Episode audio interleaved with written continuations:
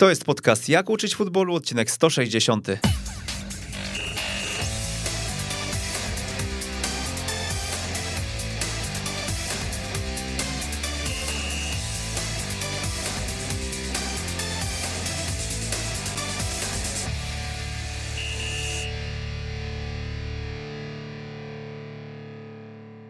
Jak uczyć futbolu 160. Przemysław Mamczak. Dzień dobry wszystkim. Na nogach jest codziennie od 5.55. Spać chodzi w przerwach meczów Ligi Mistrzów. Pomimo zasad, według których od lat żyje, odnajduje się dobrze w piłce, bo po sukcesach w barwach GKS-u Bełchatów e, przeniósł się do innego GKS-u, do GKS-u Tychy. Artur Erbin. E, dzień dobry trenerze. Dzień dobry, przede wszystkim dziękuję za zaproszenie i bardzo mi miło za ten wstęp. Trenerze, to o co chodzi z tym wstępem i o co chodzi z 5.55? Wytłumaczmy. A więc y, wstaję sobie tak wcześnie, po prostu, bo już polubiłem to przede wszystkim. Natomiast to jest też taki czas dla mnie, czas na pewne takie przemyślenia. Bierze się to też stąd, z takich badań naukowych, że mózg po prostu jest y, w tym momencie mm, na najwyższych obrotach i czasami zdarza się tak, że po podejmuje w tym czasie takie strategiczne decyzje. Tutaj mogę też się podeprzeć takimi, mm, może nie przykładami, ale takimi sytuacjami, gdzie z po zakończonym treningu rozchodzimy się z trenerami, mamy wszystko przygotowane, ale zaznaczam sobie, słuchajcie, może się coś zmienić jutro rano, w zależności od tego, jak wstanę, co się przyśni, mm, bo czasami sobie po prostu daję taki rozkaz do mózgu, kładąc się spać. Jutro mam mieć gotową odpowiedź na jakieś e, zagadnienie. I często tak jest, że w, przy tej porannej yerbie o tej porze mm, takie odpowiedzi odnajduję. To który w takim razie Artur Derbin chodzi spać? Zapytajmy, skoro tak wcześnie wstaje. Okej, okay, zanim jeszcze może do tego dojdę, o której chodzę spać, to jeszcze ważna rzecz akurat y, w tym momencie, bo skąd się wzięło też 5.55. Y, tu akurat kiedyś padłem na taki kanał Fryderyka Karzełka, który budzi y, ludzi o 5.55. To jest niesamowity, wartościowy program i Kiedyś wstawając wcześniej rano, włączyłem sobie odbiornik telewizyjny bądź radiowy mm, i tam taki przekaz e, niekoniecznie optymistyczny, jak dobrze wiemy o sytuacji na świecie, jest e, mnóstwo takich e, kwestii, które niekorzystnie wpływają na naszą jakby podświadomość, na sztok myślenia. Natomiast akurat przełączając się na ten program Fryderyka Karzełka, można naprawdę wiele wartościowych treści dla siebie mm, otrzymać i tak pozytywnie nastawionym rozpocząć y, każdy dzień. Oprócz tego, wstając tak wcześnie rano, człowiek się nie stresuje, człowiek się nie śpieszy nigdzie, może spokojnie pokonać drogę do pracy, może być miły i uprzejmy, bo w tym czasie może ktoś szybko e, jechać, śpieszyć się po prostu, można miło mm, kogoś e, takiego autem przed siebie mm, i wykonać jakby dobry gest e, w tą stronę. Mm, więc e, tak zaczynam dzień i od razu to pozytywne nastawienie chciałbym przenosić na współpracowników i ludzi, z którymi pracuję. Natomiast o której chodzę spać i Tutaj e, odpowiadam już od razu, że to jest przed godziną 22 i to też jest potwierdzone mm, naukowo badaniami, że o tej porze mózg e, regeneruje się najlepiej. Dlatego każdy dzień staram się układać e, sobie tak, żeby o tej porze już być w łóżku i może to nie jest jakieś modne, raczej na pewno, bo też rozmawiając z piłkarzami i tłumacząc im nawet, że sen to jest najtańsza forma regeneracji, no to sobie przypominam też czasy młodości, że ciężko ciężko mi było o tej porze kłaść się do łóżka, bo przecież życie jest takie piękne, należało je wykorzystywać. Ale co ciekawe, do tego snu też trzeba się przygotować i w jaki sposób się przygotować do snu. A więc y, w moim przypadku to jest tak, że wysiłek fizyczny niemalże każdego dnia, no i oprócz tego praca, którą jak zdajemy sobie sprawę, bo słuchają nas trenerzy, jak to jest obciążająca praca, jakie stresy mm, przy tym wszystkim nam towarzyszą. Dlatego też e, to wszystko powoduje, że na koniec dnia, biorąc jeszcze mm, książkę do ręki, oczy same się zamykają i to powoduje, że do tego snu jesteśmy przygotowani. No, nietypowy e, wstęp. Ja jestem e, zwolennikiem tego podejścia związanego z e, mądrym balansowaniem i niejednokrotnie tutaj powtarzaliśmy, czy wyciągaliśmy takie praktyki, bo, bo w naszym środowisku chyba utarło się, że jednak ten trener pracocholik, tak mówiąc w cudzysłowie, no to jest trener, który osiąga sukcesy. No ciekawie, właśnie wcześniej też miałem takie podejście i wydawać by się mogło, że im więcej y, pracy, tym więcej sukcesów, ale w tym wszystkim, tak jak mówisz, że trzeba odnaleźć ten y, balans y, i ja też potrafię się odciąć od pewnych rzeczy, też potrafię mm, funkcjonować y, w tym stresie, mm, znając y, wcześniej jakby sposoby na to. I tym sposobem y, chociażby jest właśnie to, co wspomniałem, bieganie, odpowiednie pójście do łóżka. Po to też właśnie, żeby odzyskać tą energię, bo nie ma naprawdę nic gorszego. Tutaj słyszałem też e, wypowiedź Piotka Tworka, który też mówił, że nie ma nic gorszego niż taki trener e, bez energii. I to Łukasz Smolarow e, chyba. Ja myślę, że to już to każdy trener ma u siebie na tapecie. Nad, nad biurkiem słyszałem, że wisiał ten cytat. Jasne, oczywiście, bo nie możesz dać komuś 100 złotych, jak tych 100 zł nie masz. I podobnie z tą energią, że nie dasz komuś tej energii, jak sam jej nie posiadasz, więc trener musi z tą energię skądś czerpać i pewnie taki pracocholik takiej energii e, nie będzie mógł znaleźć w sobie. Natomiast to też, e, żeby to nie wyglądało tak, że się nic nie robi. Oczywiście są momenty wytężonej pracy, e, tak jak teraz w okresie przygotowawczym trzeba mnóstwo mm, pracy wykonać, chociażby do planowania, do wdrażania, podwójne sesje treningowe, cały czas na bieżąco analizować, więc tej pracy naprawdę jest y, sporo, ale za chwilę też przyjdzie moment na to, żeby znowu w jakiś sposób sobie e, znaleźć ujście i odreagować y, po to właśnie, żeby odzyskiwać tą energię.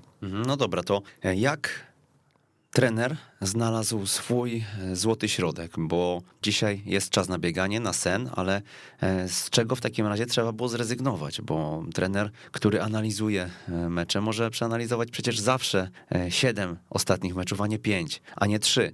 No i kwestia, kwestia teraz przeglądu takiego całościowego e, tego mikrocyklu, z których aktywności z przeszłości, kiedy, kiedy pracował pan e, powiedzmy może więcej, może mniej mądrze, wykreślił pan ze swoich działań? Ciekawe pytanie, natomiast y, to tak wszystko płynnie idzie, że trudno mi teraz na to pytanie odpowiedzieć. Y, ja staram się tą pracę mm, wykonać y, do godzin, do godzin popołudniowych, gdzie tej energii jest jakby najwięcej. I oczywiście to nie jest też tak, że ja tej pracy nie przynoszę do domu, bo owszem, no człowiek mimo wszystko mm, żyje tą pracą na okrągło. Przecież też musi mieć kontakt i z prezesem, z dyrektorem sportowym, zwłaszcza w tym okresie, mm, i z zawodnikami którzy mają urazy. Mm, oczywiście też i analiza mm, czy przeciwnika, mimo że mamy w sztabie odpowiedzialnych ludzi za to, ale ja sam też chcę wcześniej podejrzeć. Też analiza treningu chociażby, więc y, są pewne rzeczy, które jakby robi się w domu, ale już przed tymi godzinami późno popołudniowymi staram się, żeby to już nie zajmowało mi miejsca i zająć się jakby czymś innym, a moją też taką, takimi innymi pasjami, oprócz tego sportu, który sam uprawiam, e, jak chociażby bieganie czy pójście na siłownię, no to uwielbiam e, czytać książki, ale też i podróże, nie tylko po Europie, po świecie, ale również chodzenie po polskich górach. No to zapytam jeszcze, co się dzieje, kiedy macie mecz, nie wiem, o 20.30? Zakładam, że nie e, po przerwie e, trener nie znika e, ze stadionu, nie wraca do domu. Mocno rozregulowuje coś takiego, bo, bo no, będąc w takim reżimie 22, 5.55 na pewno organizm fajnie funkcjonuje. E, co się dzieje w takich przypadkach, jakie są odstępstwa? Kiedy są jeszcze odstępstwa poza swoim meczem, czy czasami, nie wiem, mm, zespół przeciwny e, zdarza się obejrzeć po godzinach, czy raczej nie, no to zawsze mogę nadrobić o tej szóstej rano. Po kolei zacznę może od e, tego, co mówiłeś praktycznie na samym wstępie odnośnie spania w przerwie meczu Ligi Mistrzów i faktycznie bardzo często tak się zdarza, że po 45 minutach e, kładę się po prostu do łóżka, bo wiem, że następny dzień dla mnie jest y, ważny mm, i ustalam sobie jakby priorytety, ustalam sobie plan, więc nie mogę zawalić nocy, ale są odstępstwa, bo zdarzają się mecze tak emocjonujące, e, gdzie po prostu wciągają. Nie zdarza się to jakby często, ale faktycznie to ma miejsce. Natomiast idąc w kierunku naszego meczu, no to tu już jest y, po prostu swoją rolę odgrywa jakby adrenalina i ta moja praca, która powoduje, że człowiek jest y, energetycznie tak mocno naładowany, musi reagować, y, więc tutaj nie mam jakby z tym żadnego problemu.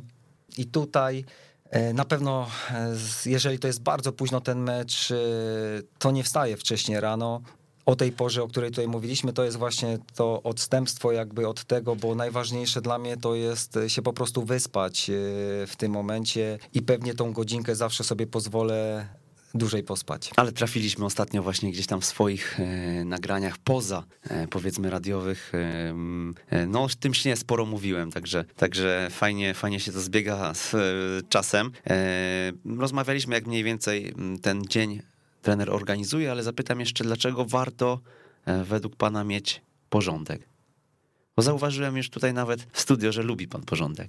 Ja myślę, że tak, wcześniej taki, takiego porządku może nie miałem. W ogóle ja tak obserwując chociażby siebie, to widzę, że od wielu, wielu lat następuje we mnie duża zmiana. I jeśli chodzi o ten porządek, to zauważam, że faktycznie no, warto go mieć, warto planować, mm, bo to też pomaga mm, jakby mieć wszystko pod kontrolą, przynajmniej mieć takie poczucie, że wszystko jest y, pod kontrolą. Mm, dzisiaj oglądając Fryderyka Karzełka, który mówił z jednej strony o jednym z nawyków, że miej gotowy plan i, i, i faktycznie no, kładąc się nawet spać, wiem co będę robił y, następnego dnia. Dzisiaj akurat wiedziałem, że trzeba się odpowiednio szybko przygotować do tego, żeby wsiąść pociąg, przyjechać do ciebie. On się spóźnił, to już jest jakby niezależne Natomiast wszystko miałem już jakby rozplanowane dnia poprzedniego. Czyli kowejowe ostrzenie piły.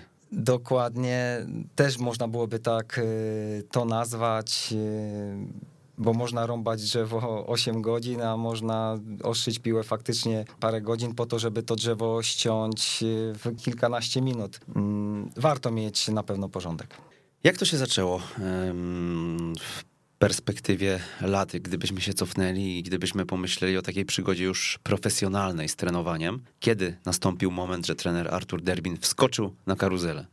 Kiedy wskoczyłem na karuzelę? Najpierw bym musiał pewnie mm, powiedzieć o tym, że rozpoczynałem swoją karierę trenerską jeszcze za czasów, gdy czy nie uprawiałem piłkę nożną jako zawodnik już e, niższych e, lig. I pierwszym tym klubem, gdzie to miało miejsce, był Beskid Andrychów. E, tam dostałem grupę żaków, dwunastoletnich zdaje się chłopaków.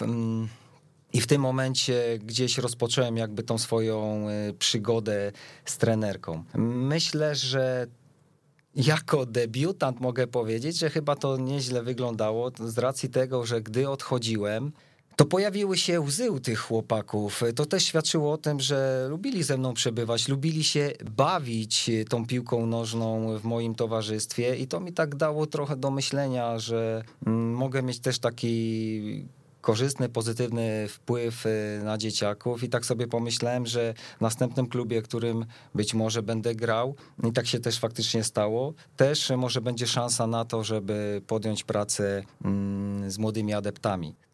Tak się stało, potem była kolejna grupa i jeszcze jedna grupa. To tylko powiem tyle, że to nie były jakieś wielkie akademie, oczywiście, to były bardziej grupy, które były jakby reaktywowane.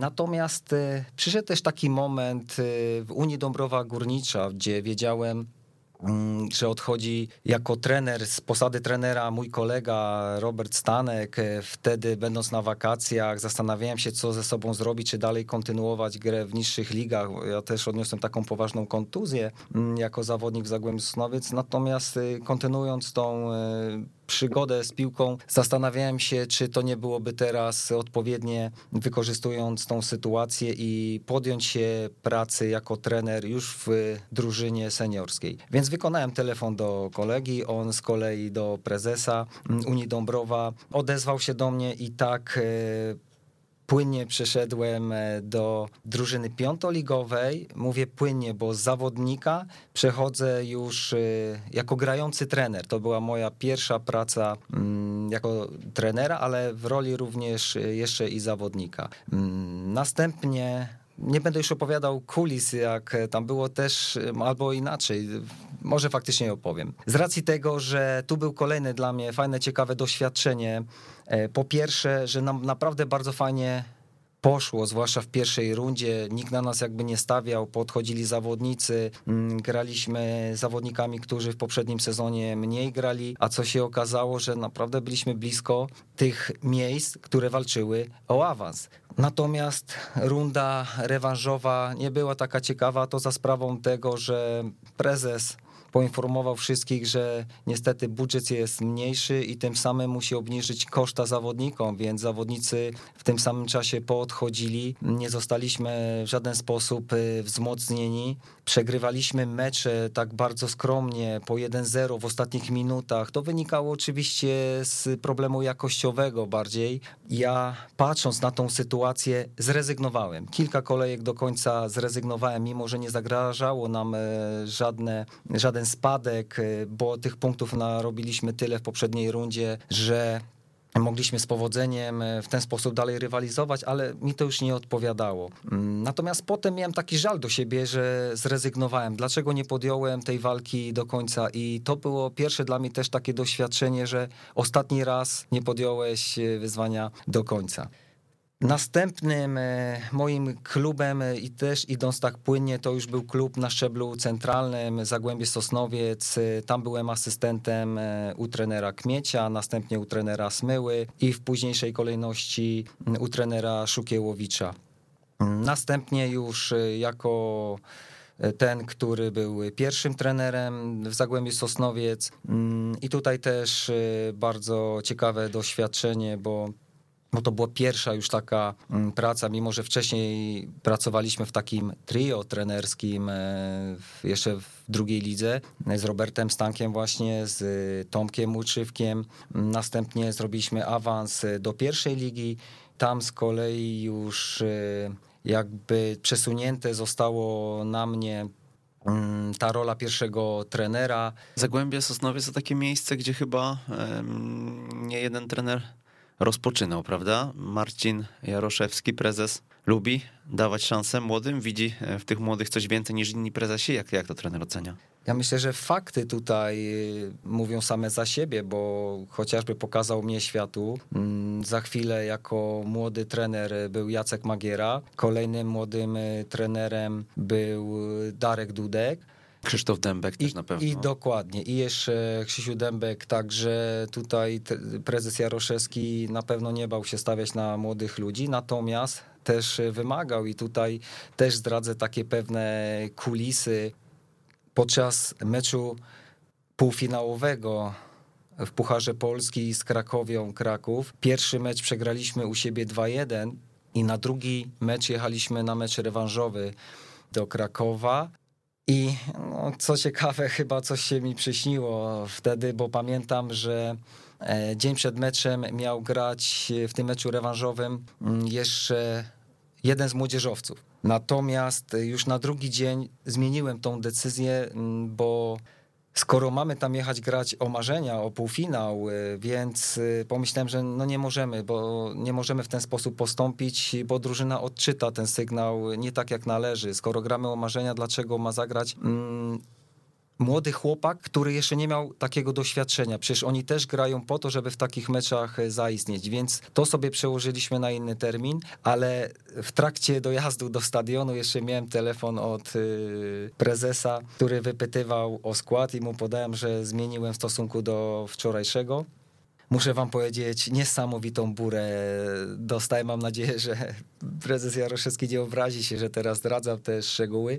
Natomiast y, no trochę mi się dostało. No co ty będziesz grał o finał? Być może po prostu nie dowierzał, że jesteśmy w stanie, bo przypomnę, że Krakowia wtedy była niesamowicie mocna, zwłaszcza u siebie. Tam drużyny ekstraklasowe wyjeżdżały z kwitkiem i to po 3-5-0. Mm, ale skoro są takie marzenia, więc chcieliśmy o to zawalczyć i ewentualnie reagować podczas meczu. Co ciekawe, ten mecz wygraliśmy 2-0, znaleźliśmy się w półfinale Pucharu Polski. To była wielka niespodzianka w tamtym okresie. Mm, po meczu prezes przyszedł do nas do gabinetu z takim wielkim alkoholem podobnym do whisky. Mm, natomiast pogratulował oczywiście, bo to był wielki sukces dla nas wszystkich. Natomiast za niespełna 72 godziny graliśmy mecz już z liderem Wisłą Płock i i co ciekawe, ten mecz y, przegraliśmy, ale co ciekawe, każdy mecz który rozgrywaliśmy po Pucharze Polski, ani jednego meczu nie wygraliśmy. To też dla mnie było doświadczenie w związku chociażby z pewnymi rotacjami w składzie. Mm, ale dodam też y, do tego, że właśnie dwa dni wcześniej była euforia, była radość, dwa dni później już był dywanik u prezesa, co się wydarzyło na boisku lidera. Trzeba było zwalić na prezent. Nie, prezent y, akurat y, czekał na odpowiedni... Nie był powodem tego. Na, na odpowiedni moment. Stanu rzeczy. Zgadza się. E, trenerze, no dobra, no i później e, po Zagłębiu mamy Chojniczankę Chojnice i tutaj e, nieco ponad miesiąc pracy, zdaje się, tak? Mm, mam taki cytat z asystenta trenera. Mm, moja krótka misja w Chojnicach zakończyła się co prawda niepowodzeniem, zabrakło czasu, ale uważam, że wiele się w tym czasie nauczyłem. Czego się można nauczyć w miesiąc? Naprawdę, jeżeli ktoś chce się czegoś nauczyć, e, to się tego nauczy. Ja jeszcze nie wiedziałem, czego się tak na dobrą sprawę nauczę, ale już e, wytłumaczę te słowa. Po pierwsze, przychodząc e, do Chonic na taki kontrakt zadaniowy, mieliśmy grać o awans do ekstraklasy, taki historyczny dla Chojnic. Też zdradzę tutaj trochę kulis i też mam nadzieję, że nikt nie będzie miał mi tego za złe, bo ja też bardziej tu do kierun w kierunku do trenerów e, chciałbym pokazać, z czym trenerzy też się mierzą e, w pewnych e, sytuacjach, z pewnymi takimi sytuacjami, które nie zawsze są przyjemne i jakby stricte mm, miały wymiar taki boiskowy, a one tak na dobrą sprawę przekładają się na to, co się dzieje na boisku. A więc y, niepowodzeniem było to, że faktycznie do te, w tej ekstraklasie się nie znaleźliśmy. Natomiast y, przychodząc y, do Chonic wiedziałem, że coś niedobrego się dzieje w szatni i żeby zespół dobrze funkcjonował, to najpierw pewne rzeczy trzeba sobie tutaj mm, poukładać i najpierw trzeba to w jakiś sposób zdiagnozować i to tylko ja mogłem liczyć mm, w dużej mierze na siebie, na, na obserwację tego, co się w tej szatni dzieje i oczywiście na tym, co się dzieje na boisku treningowym, w tym procesie treningowym. Po pierwsze, mm, na pierwszy mecz y, jadąc y, do Górnika Zabrze Miałem dwa dni tylko na to, żeby przeprowadzić jakieś sesje treningowe i to praktycznie są treningi regeneracyjne i trening przedmeczowy. Mm, no i tak jak mówię, cały czas chciałem zaobserwować tą szatnię, co tam się dzieje. I teraz w szatni były no, dochodziło do takich dziwnych sytuacji. Ktoś komuś nie podał ręki, ktoś nawet kogoś opluł na treningu, jakieś nieprzyjemne mm, e, historie i na tym trzeba było przede wszystkim e, zapanować. Utrudnieniem dla mnie dodatkowo było to, co się wydarzyło w meczu e, moim debiucie, a więc meczu z Górnikiem Zabrze, gdzie przegraliśmy niczym nie zapowiadającym tragedii początku przegraliśmy 6 do 1. Pamiętam jak na odprawie przedmeczowej podszedł do mnie mm, dyrektor sportowy, ja tu nazwisk nie będę wymieniał, ale podszedł do mnie dyrektor sportowy i mówi Artur, coś niesamowitego, ja już nie pamiętam żeby mieciarki przeszły na odprawie. I tak nieopatrznie mu odpowiedziałem, poczekaj, jeszcze jest mecz poczekaj jeszcze na to. I faktycznie ten mecz przegraliśmy wysoko, 6-1.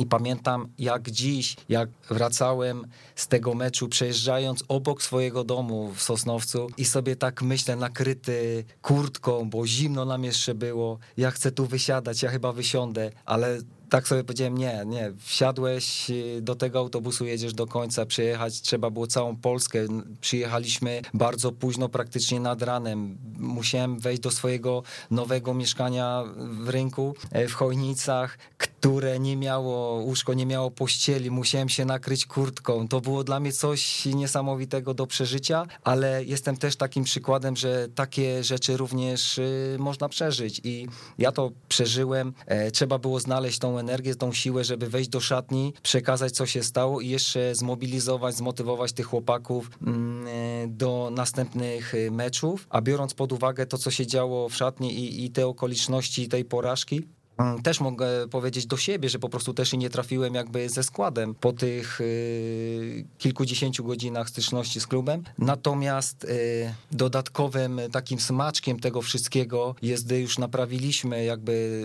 tą sytuację w drużynie, kilka osób trzeba było odstawić, mm, w pewien sposób też y, mocno zareagować.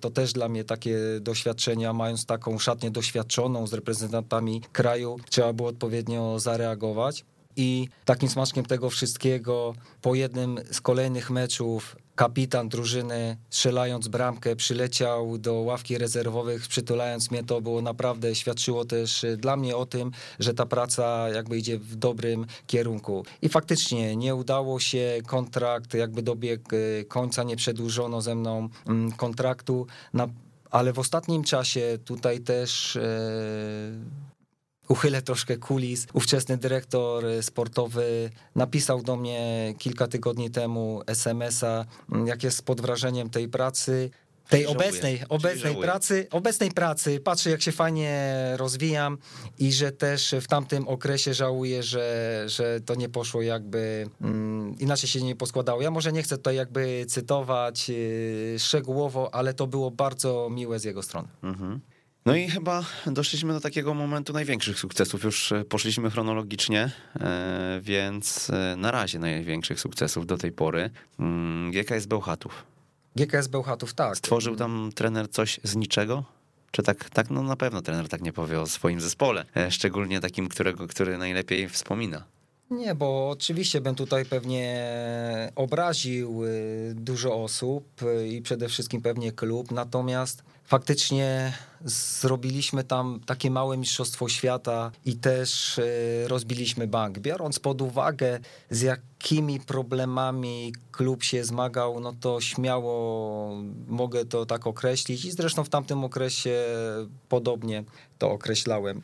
Przychodząc e, do GKS-u Bełchatów, e, do drugiej ligi jeszcze przypomnę, Wówczas ja czekałem na oferty klubów pierwszoligowych i takie, takowe się pojawiały, ja jeździły na rozmowy kwalifikacyjne, natomiast, natomiast nic z tych rozmów jakby nie wynikało w sensie podpisywania jakby kontraktów. Więc pomyślałem sobie, jeżeli będzie jakaś propozycja z ligi niższej, mm, to jak najbardziej się zdecyduje. I taki telefon e, gdzieś zadzwonił, mm, pojawiłem się na rozmowie, dyrektor sportowy ówczesny Marcin e, Węgleski z kilku kandydatów e, wybrał mnie. W pierwszym okresie wcale nie było łatwo, bo uwikłaliśmy się również e, w walkę o utrzymanie. Pamiętam jak e, dziś przegrywając e, mecz e, w Kluczborku zrobiło się bardzo gorąco. Zawodnicy zostali wezwani do kibiców. Sam też wziąłem w tym udział, podszedłem do kibiców i poprosiłem ich tylko o spokój i o wsparcie w tym trudnym momencie. Sam też Pamiętam to, zachowaliśmy spokój. Zachowaliśmy spokój w tym momencie, biorąc pod uwagę, że dwa ważne mecze przed nami w krótkim odstępie czasu z liderem, z GKS-em Jastrzębie wówczas pamiętam i z drużyną, która też y, mocno uwikłana była w tą walkę o utrzymanie mm, z Wisłą Puławy. Co ciekawe, te dwa mecze wygraliśmy. Tym samym y, w tej lidze się utrzymaliśmy i następny sezon y, kolejne zmartwienia doszły, a mianowicie Minus dwa punkty przede wszystkim na starcie przy rozpoczęciu zmagań ligowych. Oprócz tego budżet zmniejszony około 30%. Y, poodchodzili zawodnicy, pamiętam też taki najwartościowszy Piotr Giel, najlepszy strzelec naszej drużyny, mm, Marcin Garuch, y, więc kilku takich zawodników znaczących odeszło i w to miejsce tak na dobrą sprawę musieliśmy korzystać e, z wychowanków. I tutaj taka była filozofia klubu również, żeby pracować z tymi młodymi ludźmi.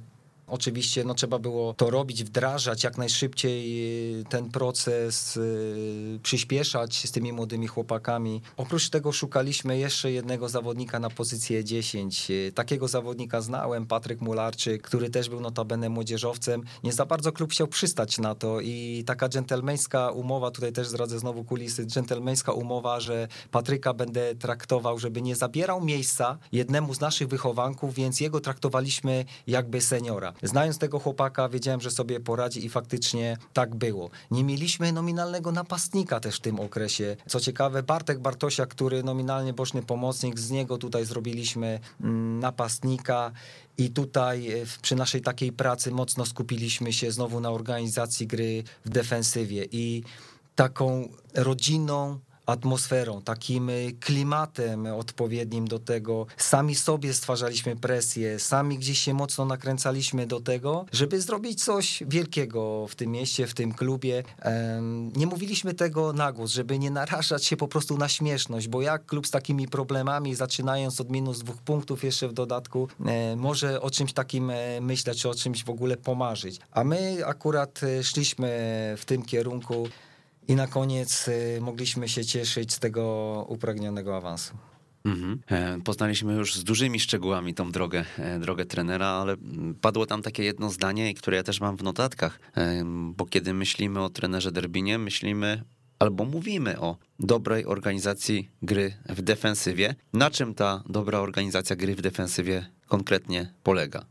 Przede wszystkim uświadomić e, drużynie, tak jak większość drużyn już e, gra na świecie, a więc za tą organizację w defensywie odpowiada cały zespół. I tutaj cały zespół trzeba zaangażować e, do tego, żeby, żeby bronił ta organizacja gry w defensywie tak na dobrą sprawę to rozpoczyna się już w momencie, mm, jeszcze gdy mamy piłkę i w momencie straty tej piłki, a więc y, reakcja po stracie, te tak zwane gegenpressing i, i to tutaj już y, zaczynają się jakby pierwsze działania, czyli ten moment, gdy już tej piłki nie mamy. Ja bym oczekiwał od swojego zespołu i, i, i faktycznie tego oczekuję, żeby te, ten czas poświęcić, zaangażować się po tej stracie na odzyskanie piłki. Mm, I to jest ten pierwszy, pierwszy moment. No i oczywiście jeszcze są te momenty, gdy już jakby pracujemy mm, na swojej połowie, gdy tej piłki nie mogliśmy jakby odzyskać, e, przeciwnik uciekł, e,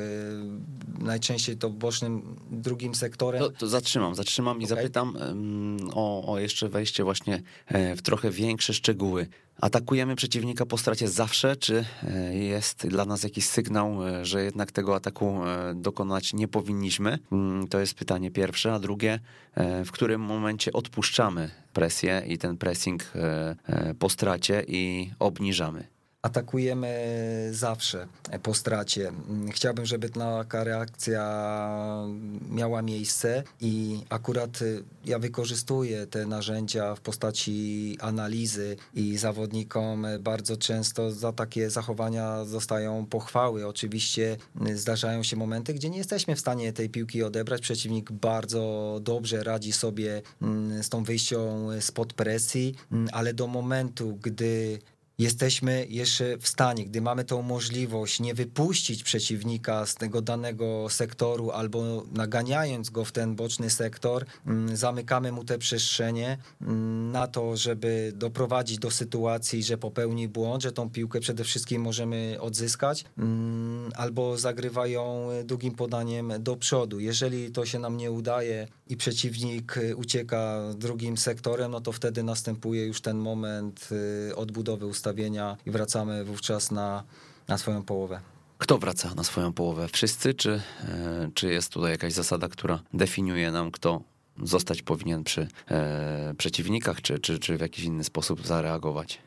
Ja preferuję zasadę gramy wysoko albo nisko i unikamy takiej obrony średniej, więc y, i mówiąc wcześniej o tym, że cały zespół y, broni, e, czyli również wymagam tego od y, zawodników 9-10 do tego, żeby wracali na swoją połowę i zamykali jakby swoje przestrzenie, które mają, muszą jakby zabezpieczyć e, w tym naszym sposobie grania. I to jest, to jest jakby kluczowe. Kluczem, taką ważną zasadą również jest ta zasada kompaktowości, zasada zasada struktury też, e, bo tak ten kompakt nam pomaga i w obronie wysokiej, i w obronie niskiej. W obronie wysokiej pomaga nam e, do skoku jakby tego pressingowego mm, i ten moment e, wychwycić i, i, i, nie pozwala przez to przeciwnikowi grać przez środek po to, żeby mógł sobie za chwilę mógł rozgrywać tą piłkę jak chce, więc to jest kluczem, jak również... Priorytetem jest zablokować środek. Dokładnie, tutaj zamykamy jakby możliwość y, grania między strefami, bo tutaj ma przeciwnik jakby największe możliwości do tego, żeby później kontynuować y, swój atak, więc y, to jest priorytetem. Z kolei w obronie niskiej jakby podobne zachowania. Staramy się kierunkować przeciwnika w boczne sektory, e, a najlepiej, żeby grali wszerz, a jeszcze lepiej, żeby grali to podanie w tył, bo to dla nas też jest kolejny sygnał do tego, żeby wypychać przeciwnika, do, do tego, żeby znowu móc y, skakać y, pressingiem do nich. To ustawienie i to zachowanie powoduje, że spychacie do boku rywali. Oni e, mają tam więcej miejsca, więc siłą rzeczy pewnie narażeni jesteście też na dużą liczbę dośrodkowań. Zgadza się, oczywiście musimy brać mm, to pod uwagę. E, skoro spychamy przeciwnika w boczny sektor, y, tam za chwilę możemy liczyć na to, że będą kierunkowane do środkowania mm, i tutaj potrzebujemy asekuracji tych działań, potrzebujemy e, wsparcia naszego bocznego obrońcy poprzez zbiegnięcie również i bocznego pomocnika, poprzez stworzenie tam nawet przewagi e, i zbiegnięcie w pobliże defensywnego, jednego z defensywnych y, pomocników. Tutaj też jest y, taka sprawa mentalna, jakby zachęcanie zawodników do pewnych y, poświęceń, o blokowaniu dośrodkowań, o blokowaniu też szałów. Kiedyś mówiłem, że mamy tak blokować, jak przypominacie sobie, kiedyś pewna stacja blokowała transmisję transmisję siatkarzy. Oczywiście tak e, pół żartem. Mm, natomiast e, właśnie ten czynnik mentalny tutaj odgrywa dużą rolę, bo takie chociażby rzucanie się często pod nogi zawodnikom, którzy próbują oddać, przeciwnikowi, który próbuje oddać strzał, no to tutaj to jest jakby ciężkie do wytrenowania, natomiast takie sytuacje się pojawiają i one też wytłuszczamy je często w analizach, pokazując właśnie o tym poświęceniu, bo bardzo często to pozwala nam osiągać e, korzystne wyniki. Mhm. E, interesuje mnie jeszcze ten moment blokowania dośrodkowań, bo rozumiem, że wtedy boczny obrońca, gracie czwórką e, obrońców, więc boczny obrońca wychodzi do dośrodkowującego po to, żeby przyblokować e, jego zagranie. Co się dzieje z pozostałymi w linii i kto wspiera też ewentualnie tego bocznego, kiedy mamy na przykład, nie wiem, sytuację 2 na 1?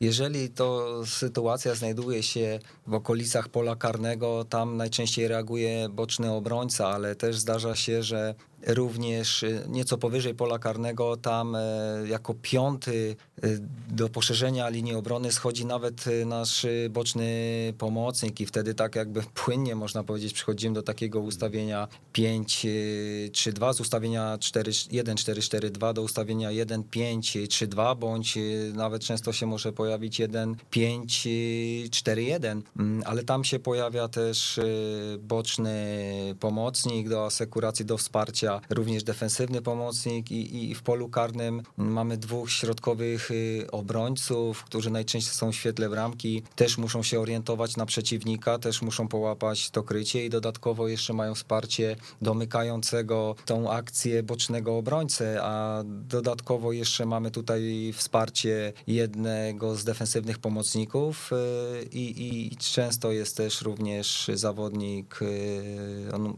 dziesiątka, nasza ofensywny pomocnik pomocnik, który również bierze udział w bronieniu. Najbardziej wysuniętym zawodnikiem często wtedy jest y, dziewiątka, który, bo to też y, chciałbym, żeby to nie wynikało tylko z tego, że to jest to tak zwana obrona Częstochowy, bo naszym tutaj głównym zadaniem, jak w każdej książce, to jest odbiór piłki i tutaj też mocno kierunkujemy się na atak szybki, I stąd też dobór odpowiednich zawodników do takiego grania, bo to jest też duży wysiłek, jak już mówiliśmy, mentalny, ale też i fizyczny, e, żeby takiego obrońcę, mm, pomocnika, przepraszam, bocznego, który schodzi nisko do wsparcia, do pomocy, musi też często odbierać e, piłki e, i za chwilę on ma się odnaleźć w kontrataku. Natomiast no właśnie dobieramy sobie takich zawodników, którzy będą o takich predyspozycjach, którzy są w stanie wykonywać tego typu działania. Trenerze, czy wiesz, że każdego miesiąca w ramach Szkoły Trenerów Online spotykamy się na szkoleniach online z trenerami, których słyszysz w jak uczyć futbolu? Najciekawsi goście z największą wiedzą do przekazania przekazują ją regularnie. E, przekazują ją e, w formie wykładów, w formie warsztatów, e, a osoby uczestniczące w szkoleniach otrzymują też prace domowe do realizacji na kolejne dni. 10 godzin szkolenia, dostęp do niego przez kolejne 14 dni. Jeżeli chcesz poznać szczegóły, zapraszamy na ekstratrener.pl ukośnik STO. Unikamy obrony średniej, takie zdanie pan wypowiedział. Dlaczego? Przykład, y, jeżeli możecie, to proszę bardzo zachęcam do straconej naszej bramki z Sandecją Nowy Sącz, mm, takiej słabszej współpracy w tym momencie 9-10, gdzie pozwoliliśmy środkowemu pomocnikowi wejść y, pomiędzy linię e, i potem już w prosty sposób y, zagrać za naszą linię obrony. I tak straciliśmy w bardzo prosty sposób, taki naiwny wręcz bramkę z Sandecją Nowy Sącz. Mm, no to powoduje po pierwsze, że jest więcej tych przestrzeni e, dla przeciwnika mm, w tych sektorach e, centralnych, e, natomiast największe zagrożenie jest za linią obrony. Tam jest zdecydowanie za dużo przestrzeni i my chcemy po prostu tego unikać, a biorąc pod uwagę specyfiki pierwszej ligi, mm, próbując nawet grać skokami pressingowymi, no to mocno też zakładamy na to, że ta gra jest często bardzo bezpośrednia i takimi, no nie będę tego nazywał prostymi środkami, ale takim zagraniem za linię obrony naprawdę może wiele złego zrobić, bo Przypominam sobie też y, taką wypowiedź kiedyś Jurgena Kloppa.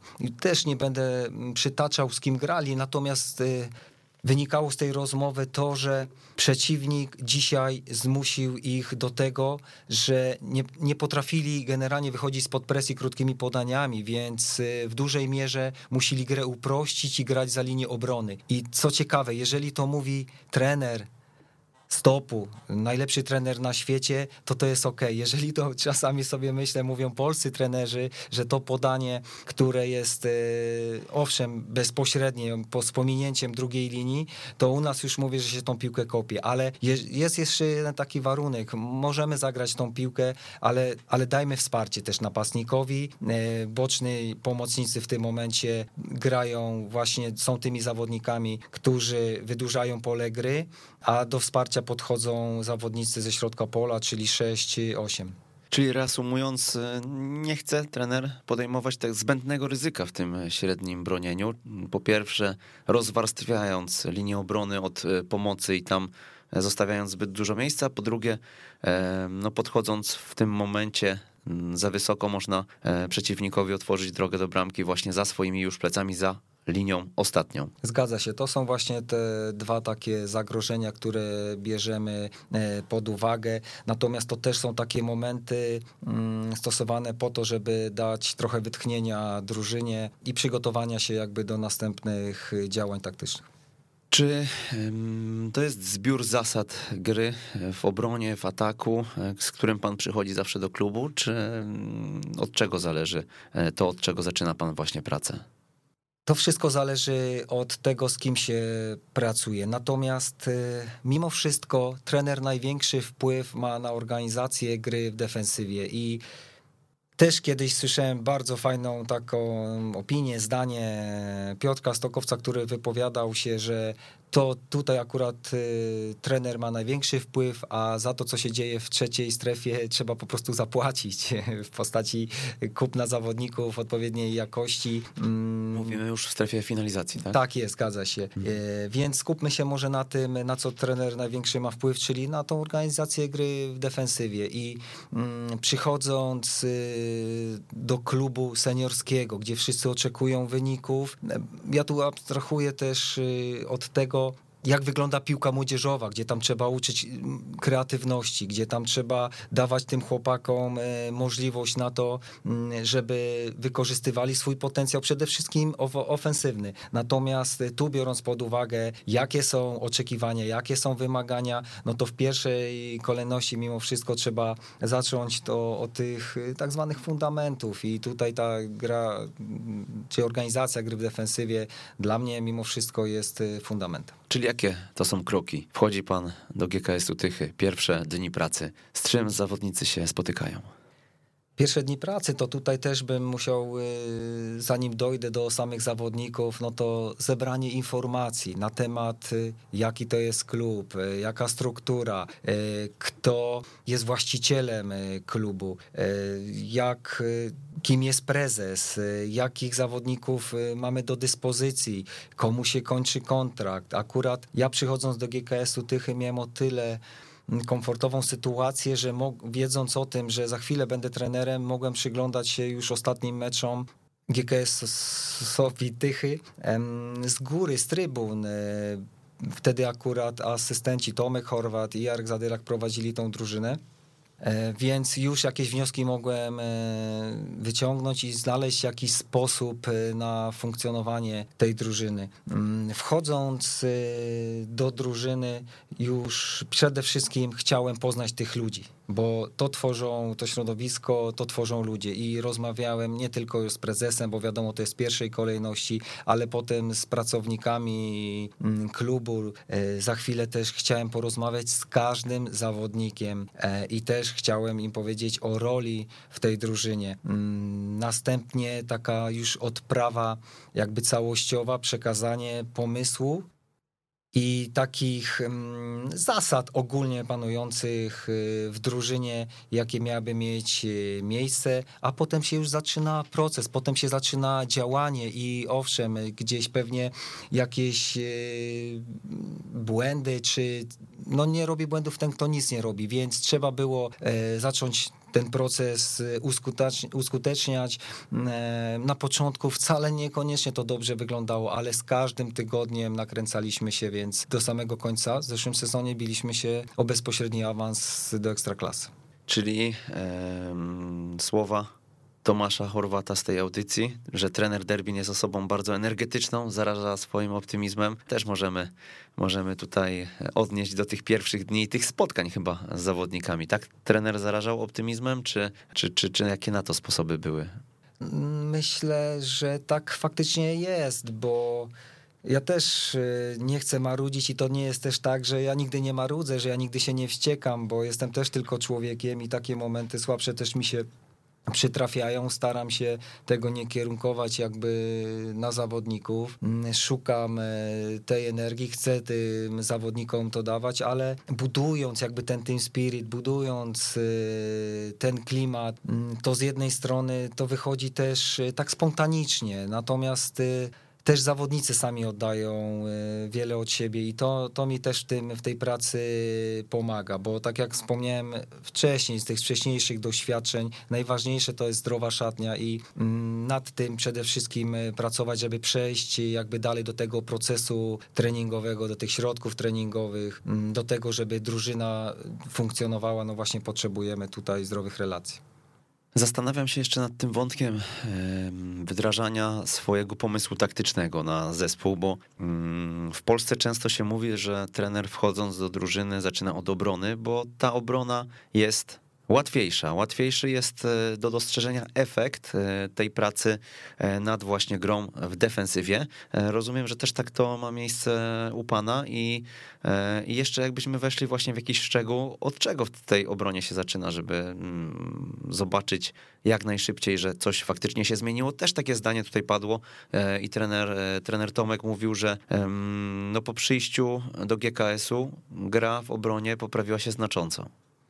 Tak, w GKS-ie zostałem e, zatrudniony jakby w kilku, z racji kilku punktów jakby do poprawy. Przede wszystkim najpierw pierwszym tym punktem do zrealizowania to była i jest w dalszym ciągu walka o awans do ekstraklasy. Drugim e, z tych punktów e, jest poprawa gry w defensywie GKS-u A pewnie to się wzięło też stąd, że w GKS-ie Bełchatów, e, jeszcze wrócę akurat do tego okresu, straciliśmy najmniejszą liczbę bramek na poziomie centralnym wraz tylko z Rakowem e, Częstochowa. I idąc y, w konkrety, to zeszły sezon GKS-u Tychy mm, e, również skończył się, że byliśmy mocno w czubie, albo chyba na, jedną z najlepszych drużyn, która straciła najmniej bramek i to jest właśnie ten konkret i bez jakiegoś uszczerbku, tak na dobrą sprawę większego, na ofensywie.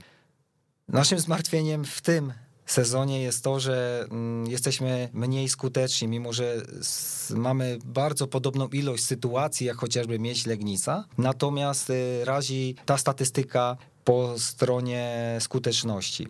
I owszem, no, najważniejsze właśnie to co, to, co mówiłem, zaczynając właśnie ten e, proces e, treningowy, bo to ja jakby odpowiadam tutaj za, mm, za tą grupę, formację mm, zawodników e, w defensywie i zaczynaliśmy od formacji, przechodząc do całego zespołu, mm, potem szliśmy gdzieś mocno w szczegóły, Natomiast y, z kolei idąc w kierunku ofensywy, tym zajmowali się akurat moi asystenci.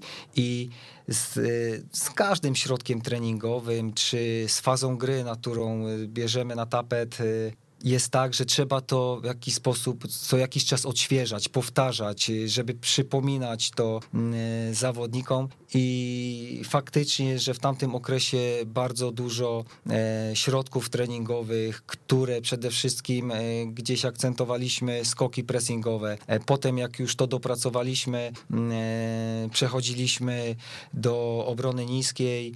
Mm, tutaj było już o tyle prościej, że przede wszystkim namówiliśmy zawodników do tego, jakie korzyści mamy z tego, gdy bronimy się całym zespołem. I tak to mniej więcej funkcjonowało. Jeżeli możemy tutaj powiedzieć, y, jakie środki stosowaliśmy. No, właśnie chciałem do tego nawiązać. To były fragmenty gier, czy to było mm, takie przesuwanie po boisku, no i pokazywanie, dobra, teraz ty doskakujesz do tego właśnie Brazylijczyka, który tutaj czeka na ciebie. E, więc y, wyglądało to tak, że faktycznie były te formy takie analityczne, natomiast y, one nie zajmowały nam jakoś y, dużo czasu. Mhm. E, bardziej skupiliśmy się na jakichś grach taktycznych, na ćwiczeniach też takich doskonalących tą obronę, czy obronę chociażby pola karnego, ale taką e, w, w, obronie niskiej, taką grą, którą najczęściej gdzieś stosowaliśmy, mm, to, była, to były takie fragmenty gry ośmiu przeciwko sześciu mm, zawodnikom tej formacji defensywnej plus dwóch y, defensywnych i do tego oczywiście nie zapominaliśmy o fazie przejścia dla zawodników, którzy odbiorą e, piłkę. To jest taki jakby fundament. I co, zatrzymywanie później, wyłapywanie jakichś e, złych decyzji w obronie? Zgadza się. Asekuracji, braku Zgadza się tutaj, światło bramki? Tak, tutaj przede wszystkim e, zwracaliśmy uwagę w zależności co chcieliśmy, czy tą współpracę 6-8 e, i, i zajmowanie tych przestrzeni, wypełnianie tych przestrzeni, które pojawiały się między środkowym obrońcą a bocznym obrońcą, czy też właśnie na obronę pola karnego, czyli tam z kolei mm, doszukiwanie się, jak należałoby kryć zawodnika w polu karnym, ale do tego też nam dochodziła, mm, jeszcze raz do tego wrócę, mm, analiza wideo, która jest niezbędna do tego, żeby, żeby tutaj zobrazować y, zawodnikowi.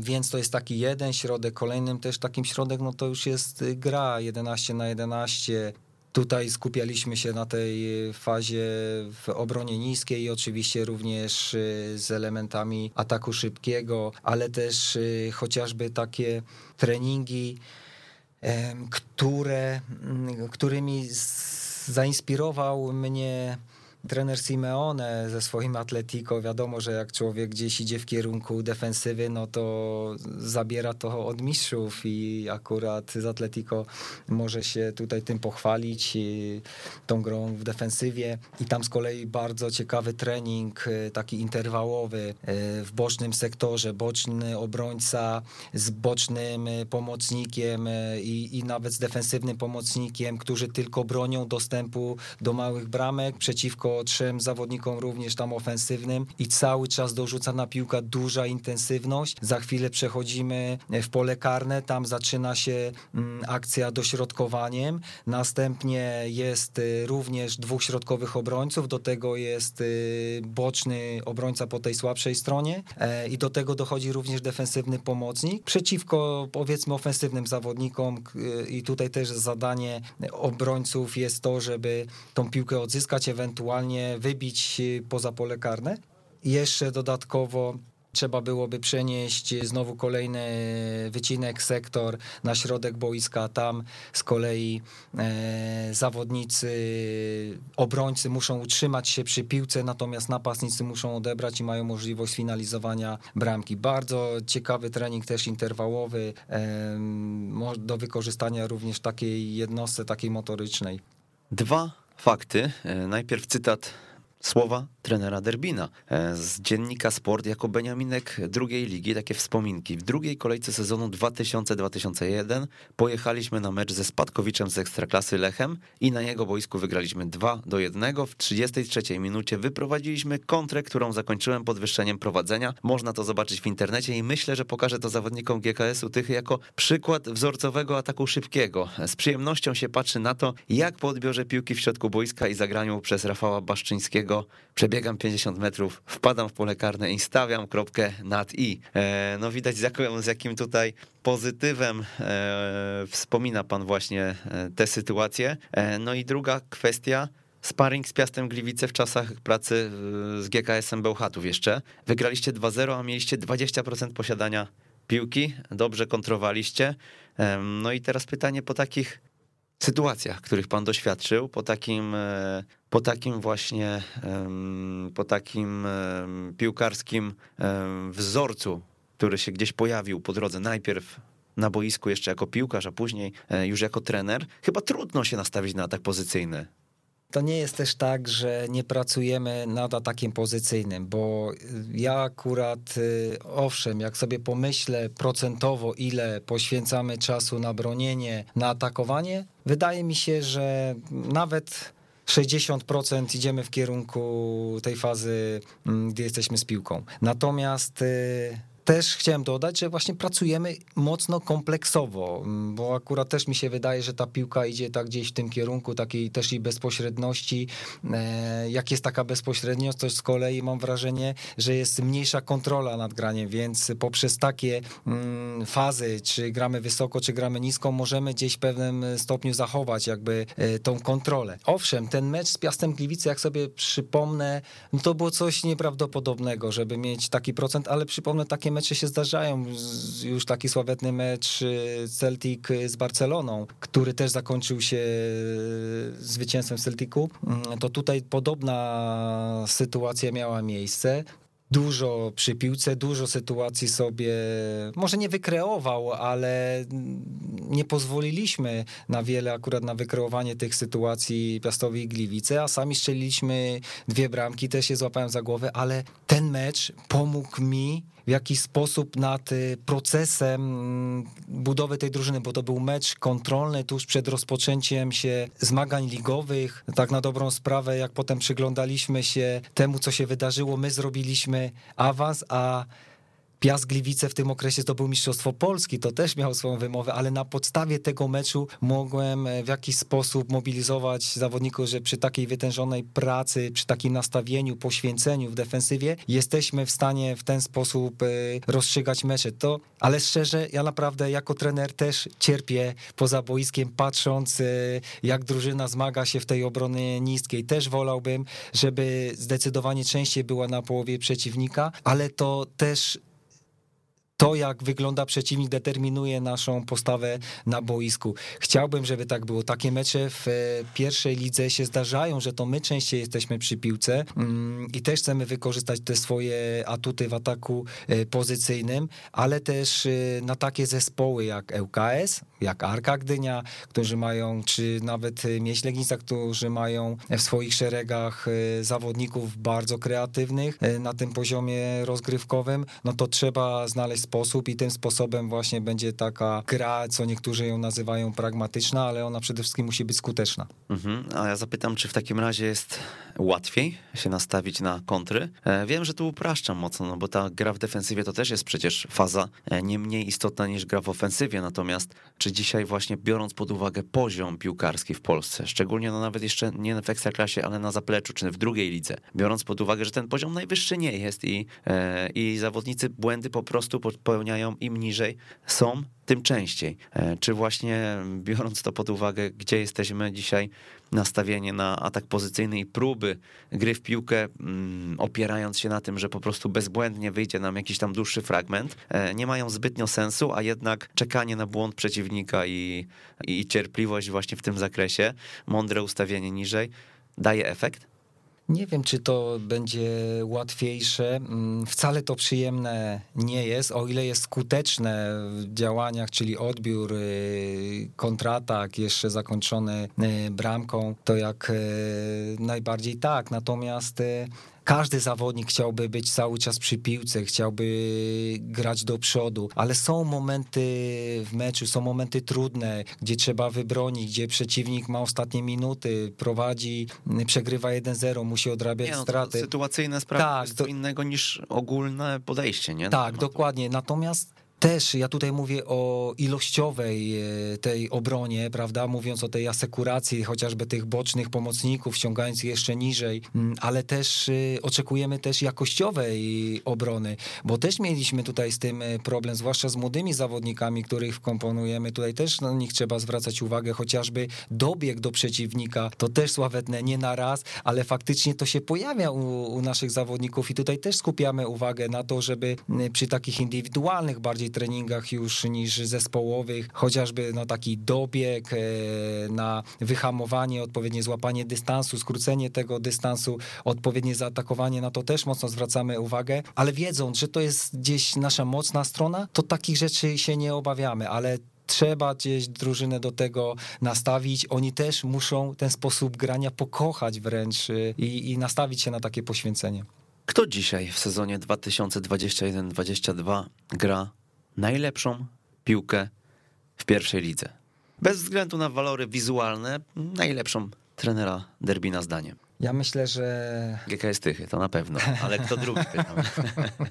GKS Tychy pretenduje na ten moment, natomiast y, mam takie odczucie, że jest to myśl Legnica, mm, a to z racji tego, że ja widzę, jak oni zmienili sposób grania. Oni w tym sezonie grali już y, w ustawieniu 1-3-4-3, od y, pewnego czasu grają w ustawieniu 1-4-3-3, ale jak wcześniej do zauważenia za poprzednich trenerów y, Mieś Legnica bardziej starała się utrzymywać przy piłce, e, budować te ataki krótkimi podaniami, to teraz y, widać taką kompleksowość w tym zespole. Wiedzą, w którym y, momencie zagrać krótkim podaniem, ale tam nie ma też takich momentów zastanawiania się, jeżeli trzeba właśnie uskutecznić to długie podanie za linię obrony. Na, tam mają ciekawego zawodnika Makucha, który jest w stanie siłowo powalczyć, utrzymać tą piłkę e, i szybka też i mobilność zawodników, którzy dają momentalnie wsparcie i przenoszą szybko granie na połowie przeciwnika. Z kolei na połowie przeciwnika też zawodników kreatywnych, którzy potrafią rozmontować niejedną obronę. Czyli duet Wojciech Łobodziński, Radosław Bela radzi sobie, e, radzi sobie na zapleczu Ekstraklasy świetnie. Pozdrawiamy z tego miejsca, a zapytam, gdzie się e, trener, gdzie się trener dokształca, bo słyszę o Atletico, słyszę tutaj o, o fragmentach e, wczoraj Real, tak, był oglądany. Są, są, są co chwilkę jakieś inspiracje z zewnątrz.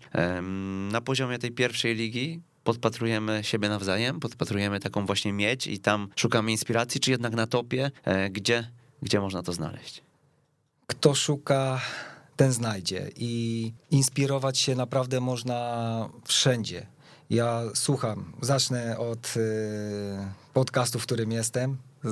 Namiętnie słucham, jak tylko wychodzi od razu mam tę wolną chwilę, jak mam sobie przygotować posiłek, od razu odpalam i słucham co Na szczęście dobrego. wychodzimy o 16, nie o 22, więc nie ma problemu z, z dopasowaniem do snu. Musisz mi wybaczyć, to niekoniecznie jest jakby w czasie rzeczywistym. Zazwyczaj to odsłuchuję jak tylko mogę, ale jest też i asystent trenera. Są różne publikacje, w internecie jest wiele możliwych rzeczy. Dodatkowo mm, rozmowy takie rozwijające z trenerami, podglądanie tak jak e, wspomniałeś, tutaj dzisiaj sobie rozmawialiśmy, dawno nie widziałem Realu Madryt, dzisiaj sobie zerknąłem na mecz, e, zdaje się finał Pucharu Króla z Athletic Bilbao mm, i sobie myślę, kurde, jak oni bardzo też e, pragmatyczny sposób e, grają, albo również wysoko, albo nisko. Jeżeli nie złapią przeciwnika po odbiorze, po stracie, przepraszam, e, również odbudowa do ustawienia na swoją połowę, też również bez jakby tej obrony średniej. Mm, 20 minut, tak sobie zerknąłem na to. Mm, W tym, w zeszłym roku, przepraszam, byłem na stażu, wykorzystując fakt, że graliśmy w Pucharze z Wisłą Kraków, poznałem się z Adrianem Gulą, mm, wprosiłem się do niego na staż, podglądając y, jak pracuje z Wisłą Kraków. Mm, Też mam kilka staży w, w międzyczasie w polskich y, klubach u polskich trenerów. Byłem też y, na stażach zagranicznych w Osasunie, Pamplona La Liga kilka lat temu, dwa lata temu przy pomocy też Artura Boruca. Tam La Liga mi pomagał, jeszcze dodam tylko Piotrek Kurman i, i, i Jan Kurman pomagał mi w tym, żebym tam mógł się znaleźć z kolei tutaj w Bormów jeszcze w Premier League, e, tu mi pomógł dużo Artur Boruc, Mm, bardzo fajne też e, wnioski z tych stażów, Mm, ale tak jak mówię, u polskich trenerów również e, można wiele dobrego wyciągnąć. To jaki zespół jest takim wzorcem, do którego najbliżej, najbliżej panu? To mm, Atletico Simeone, czy jednak e, jest coś jeszcze? Jest coś jeszcze. Ja generalnie wzorowałem się jeszcze dwa lata temu bardziej na lidze holenderskiej, na Ajaxie, ustawienie 1, 4, 2, 3, 1. Ono, tak zaczynałem tutaj pracę też w GKS-ie Tychy, natomiast to uległo jakby też e, modyfikacji, bo też były takie próby w tej fazie defensywnej grania e, piątką w obronie. Były takie momenty. Natomiast y, ta liga holenderska, mm, taka też bezpośrednia, też y, cały czas presja na przeciwniku z piłką. Mm, Z kolei w ostatnim okresie przyglądam się na to, jak prezentuje się Bayern Monachium. Mm, I tutaj też e, to, co wyprawiają, że się tak wyrażę, w defensywie, aż miło popatrzeć na to, jak e, napastnik Robert Lewandowski, jak pracuje w defensywie, jak próbuje zamykać e, tą szóstkę. Mm, No to to jest coś niesamowitego. Najlepszy piłkarz na świecie, zaangażowany w pracę w defensywie. To też warto pokazywać zawodnikom, że takie sytuacje e, mają miejsce. Też tutaj za naszą granicą też mocno tak się zrobiła taka gra, taka bezpośrednia holenderska. Trener Gula też, z którym rozmawiałem, też y, Wiśle proponuje takie rozwiązania, czyli cały czas presja na przeciwniku, cały czas y, wysokie odbiory, kosztem jakby nawet y, tego, co się może wydarzyć. Liczą oczywiście na te swoje wariacje ofensywne mm, i swoje atuty w ofensywie. Okej, to jeszcze e, podsumowując ten wątek, e, mm, pójdzie, pójdźmy może w kierunku dwa tematy. Za chwilę do książek nawiążemy, ale jeszcze chciałem zahaczyć o staż, bo opowiedział pan o stażu w Osasunie. Mamy prezent dla naszych słuchaczy, prawda? Tak jest, to akurat jest y, prezentacja z tego stażu, który odbyłem, y, zdaje się, 5 lat temu. Fakt, że to jest y, spory czas, natomiast treści w tym jak najbardziej możecie zobaczyć, jak pracowało się, czy pracuje pewnie podobnie w tych najlepszych y, ligach europejskich. No bo w ramach kursu UEFA Pro, prawda, i tam też no, są wnioski trenera, do których można dopasować środki treningowe i, i sobie to przejrzeć. Dokładnie, także zachęcam do zapoznania się, może kogoś to zainspiruje. Mm, Jeżeli będzie też e, taka możliwość, to dostarczę mm, materiały wideo, bo jest tam taki jeden slajd. e, Gramy jak trenujemy, trenujemy jak gramy mm, i dwa takie mm, wyciągnięte z kontekstu dwie takie sytuacje, ale to może nie będę zdradzał jakby szczegółów. Jeżeli e, będzie taka sposobność, to prześlę te filmy, e, które z treningu zostały przeniesione na mecz. Zapraszamy na ekstratrener.pl ukośnik newsletter, tam się zapisujemy e, na mailing i otrzymacie jak zwykle prezent właśnie na wasze skrzynki. No i nawiążemy do książek, może tak szybciutko. Wymienimy tylko tytuły pięciu książek, które trener poleci naszym słuchaczom. A więc tak, ja bardzo lubię czytać e, książki i muszę was tutaj zaskoczyć, że praktycznie ani jedna pozycja nie będzie miała związku jakby z piłką nożną stricte, mm, bo tutaj nie będę mówił o, o biografiach jakby znanych trenerów, bo myślę, że każdy z trenerów e, powinien e, z takimi pozycjami się zapoznać, jakie doświadczenia każdy z trenerów ma za sobą. Natomiast mm, ja jako bardziej pierwszy trener, który gdzieś ma do czynienia z, w dużej mierze z zarządzaniem i pewnie macie podobnie, niezależnie czy to pracujecie też i jako pierwszy trener, czy jako asystent, czy być może mm, jako trener grup młodzieżowych, to myślę, że to są mm, takie lektury, e, które też mnie w pewien sposób kształtowały i pierwszą z nich to jest siedem zasad skutecznego działania mm, Stevena Coveya. Mm, druga pozycja to jak zdobyć przyjaciół i zjednać sobie ludzi Dale'a Carnegie'ego. Trzecia to nawyki warte milionów Briana Tracy'ego. Czwarta pozycja, problemy są dobre, czyli jak odzyskać siłę w trudnych czasach. I tutaj nawiązuję do Fryderyka Karzełka, bo to jest jego e, książka, również e, bardzo polecam. I Ostatnia z tych pozycji jest to aktualnie, którą czytam. E, jestem gdzieś w połowie, jest znakomita. Odkładałem ją, bo zawsze coś, jakaś inna książka stawała mi na drodze. Natomiast jest to 11 pierścieni e, Phila Jacksona Hugh de la Genty. Jeżeli dobrze przeczytałem, mm, naprawdę znakomita pozycja.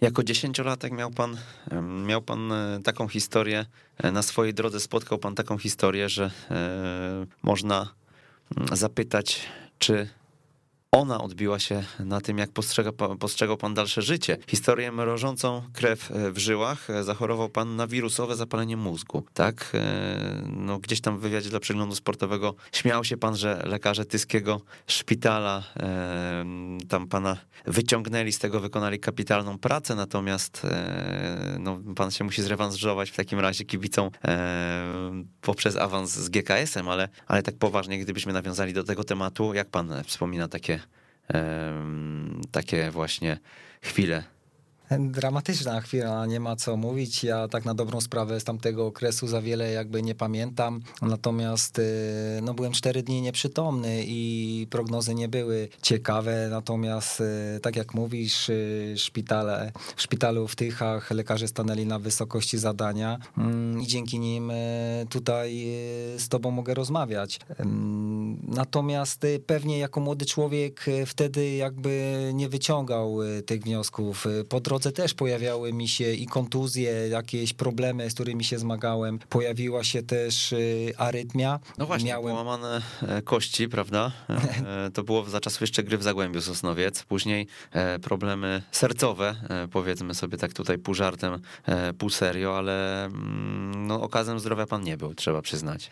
Właśnie nie wiem, czy nie byłem okazem zdrowia, bo kiedyś trener o mnie się wypowiadał tren, y, zawodnik o żelaznych płucach. Y, może nie byłem jakimś technicznym zawodnikiem, ale tutaj charakteru nie można było mi odmówić. Natomiast faktycznie no, gdzieś pojawiły się albo choroby, albo kontuzje, później ta ablacja, ale po tej ablacji, ja muszę powiedzieć, w końcu doszedłem do pewnych wniosków, zacząłem czytać na temat takiej prozdrowotności, mm, zmieniłem sposób y, życia. Jestem teraz y, weganinem, y, uprawiam sport. Tutaj mówimy o historiach prozdrowotnych. I ja bym chciał, jak zaczęliśmy Fryderykiem Karzełkiem, to żebyśmy pewnie już zbliżamy się ku końcowi, tutaj zakończyli temat z Fryderykiem Karzełkiem. On też tam mówi właśnie o tym heksagonie szczęścia i w tym heksagonie szczęścia między innymi jest praca, między innymi zdrowie, finanse, czas dla siebie, rozwój i jeszcze i relacje. Mhm. I jeżeli w którymś tym elementów nam brakuje czegoś, to wtedy możemy odczuwać e, niepełni szczęście. To tak jak w piłce nożnej, gdzie mamy te cztery filary: e, technika, taktyka, mental mm, i, motoryka. i motoryka. Dokładnie to w tym przypadku jest tak samo. Musi być e, we wszystkich tych obrębach jedność. Musi to wszystko hule współpracować, bo jeżeli na którymś polu będzie mm, gdzieś polegniemy, no to to jak efekt domino, coś się będzie nam sypało, więc w każdym z tych y, rejonów musimy przypilnować, żeby było dobrze. I tak podsumując, y, na szczęśliwie e, praca mm, oczywiście wykonuje to, co kocham, e, finanse, stara się człowiek o to zadbać, o zdrowie już nie wspominam, Y, staram się być takim relacyjnym człowiekiem, i o czymś jeszcze zapomniałem. O, o, re- o relacjach nie. To już Relacje mówiłem. były, no to pewnie kwestia zdrowia. O kwestii zdrowia też już mówiliśmy. na początku. E, Okej, o śnie, o... e, Generalnie jestem szczęśliwym człowiekiem, aż nie do końca zadowolony, bo mam swoje w dalszym ciągu plany, marzenia e, i do nich cały czas brnę, więc stąd też to niezadowolenie, mm, ale, ale szczęśliwość jak najbardziej. Mhm. No ale tak, tutaj to, co pan przeszedł, jakby zmieniło też, też podejście, tak? I dzisiaj nie przez przypadek, jak się okazuje, zaczęliśmy od snu. Tak, zmieniło to podejście. mm, Przychodzi czas, ja tu mogę oczywiście namawiać e, ludzi do tego, Spania. do tego, żeby byli szczęśliwi. żeby proste. szukali tego szczęścia. O, tak, zgadza się. Natomiast y, każdy znajdzie swój moment y, w życiu, jestem o tym przekonany, żeby mm, zmienić pewnie swój sposób życia, ale generalnie życzę każdemu, żeby był po prostu szczęśliwy. Asystent trenera. Kiedyś mnóstwo rzeczy wyprowadzało mnie z równowagi. Do dziś potrafię się łatwo zdenerwować, ale zdecydowanie bardziej nad tym panuję. Skąd ta kontrola emocji? Samo przyszło, chyba tak mi się wydaje. Mm, No być może już też z jakiegoś y, bagażu doświadczeń. Ja nie powiem, że nie wiem, jaki mam bagaż doświadczeń, bo jeszcze jestem młodym y, trenerem. Natomiast y, wcześniej faktycznie tak reagowałem jak dwunasty zawodnik. Może czasami też przesadzałem w niektórych reakcjach. Natomiast teraz bardziej jednak człowiek stara się analizować, czyli analitycznie podchodzić do tego, żeby móc mieć jakieś dodatkowo udzielić y, wskazówek y, zawodnikom. Owszem, no też jestem po to tam przy tej linii, żeby i zmotywować i czasami też i podpowiedzieć i czasami mm, mówię tutaj o meczu, bo co innego jest też y, w treningu, ale też staram się być spójny i to co w treningu, to i też i na boisku podczas y, zawodów już sportowych. E, Więc myślę, że to więcej korzyści. Zawodnik też potrzebuje wytchnienia, potrzebuje spokoju, kiedy jest y, ta motywacja, kiedy jest to wsparcie. On to czuje, mm, bo trzeba dać to zawodnikowi, mm, natomiast też trzeba mu dać czasami spokoju, czasami dać mu tą możliwość y, na to, żeby wszedł sobie w mecz i sam odpowiednio reagował na pewne działania i zachowanie na boisku. Podobno tego, że wcale nie trzeba zawsze na zawodników krzyczeć, dowiedział się pan od Stanisława Czerczesowa. Tak, byłem też. Za tym miałem- jakaś stoi historia. Ja szczerze mówiąc jej nie pamiętam, ale, ale pamiętam, że coś tam z tym dojściem do jego gabinetu było. A więc y, najpierw y, zacznijmy od tego, co się działo na boisku. Trener prowadził trening, y, jedna grupa zawodników. Na jednej połowie zawodnicy uczestniczyli w y, grze, na drugiej części były ustawione stożki i tam dwóch zawodników w prosty sposób po prostu przeprowadzali piłkę slalomem między tymi e, stożkami. Za chwilę widziałem, że trener podmieniał zawodników. Yy, Być może to było związane z tym, że chciał wyrównywać co niektórym zawodnikom wysiłki. E, Natomiast y, po treningu chciałem udać się do trenera Czerczesowa na krótką rozmowę. Zostałem poinformowany, że trener Czersow nie przyjmuje mm, stażystów. Mm, Byli tam również na tym stażu mm, ludzie nawet i z Japonii, ale jakimś cudem udało mi się tam wejść i, i poprosiłem tłumacza, e, pracownika Legii Warszawa, który właśnie on mnie poinformował, że nie może. Natomiast powiedziałem mu, że trener czeka na mnie. Musiałem tutaj użyć pewnego fortelu, mm, żeby nie powiedzieć kłamstwa. Mm, więc y, weszliśmy tam, trener Czerczesow zrobił wielkie oczy, ale jak już wszedłem, no to zaprosił mnie, porozmawialiśmy i wytłumaczył mi tą sytuację, że wcale nie musi podnosić głosu, bo ja oczywiście zadałem mu pytanie, że w Polsce jest postrzegany jako ten tyran, mm, więc jak on się do tego odniesie i mówi, że wcale nie trzeba krzyczeć na zawodników i faktycznie to muszę potwierdzić, że ja tam nie słyszałem w treningu, żeby podnosił głos. Mm, mówi, że można e, w sposób taki prosty zachować się, że jeżeli komuś nie odpowiada gra, czyli jest brak jakiegoś zaangażowania, w każdym momencie może odejść na bok i prowadzić piłkę między stożkami. Mhm. Kto miał największy wpływ na pana życie? Oj, bardzo trudne pytanie. Bardzo trudne pytanie, więc y, to będzie to jedno z tych, na które odpowiem po prostu pomidor. pomidor no, wybaczcie. A jakie rady w takim razie dałby pan e, początkującym trenerom piłki nożnej, którzy gdzieś myślą o podobnej ścieżce k pana albo o podobnym miejscu w przyszłości, w którym jest pan dzisiaj? Tak, ja idę swoją e, drogą. Ta moja droga jest, e, jak przesłuchacie ten podcast, to widzicie, że ona tak płynnie przechodzi od trenera grup młodzieżowych, przez grającego trenera, przez asystenta, przez pierwszego trenera mm, i tak sobie zdobywam kolejne szczeble. E, wierzę w to, że przyjdzie ten moment, że zawitam tam do tej ekstraklasy, bo to mogę mówić wszemi wobec, że to są też moje cele. Żeby nie powiedzieć marzenia, to wolę powiedzieć cele, bo są tak jakby bliższe do zrealizowania. Natomiast y, co mogę powiedzieć y, młodym trenerom? Przede wszystkim, żeby byli otwarci na wiedzę, przede wszystkim, żeby mm, rozwijali się, ale też, y, żeby pozostali przy tym wszystkim y, sobą, y, co najważniejsze, bo to też nie chodzi o to, żeby kopiować różnych trenerów. Ty musisz znaleźć swoją tożsamość i powiem szczerze, że pewnie ja też w dalszym ciągu szukam swojej tożsamości, ale ona ma być spójna też i z moim charakterem, o tym, jak się zachowuję na co dzień i tego z tym wam jakby zostawiam i szukajcie rozwoju, mm, bądźcie też przy tym wszystkim wytrwali wytrwali, nie poddawajcie się tak jak ja się poddałem przy swojej praktycznie pierwszej pracy, ale już wiemy, że tego błędu nie popełnię. Warto walczyć do końca o swoje marzenia. Inspiruje się pan Fryderykiem Karzełkiem, więc pewnie cele na rok 2022 gdzieś tam są opracowane. Czego życzyć na ten e, nowy rok?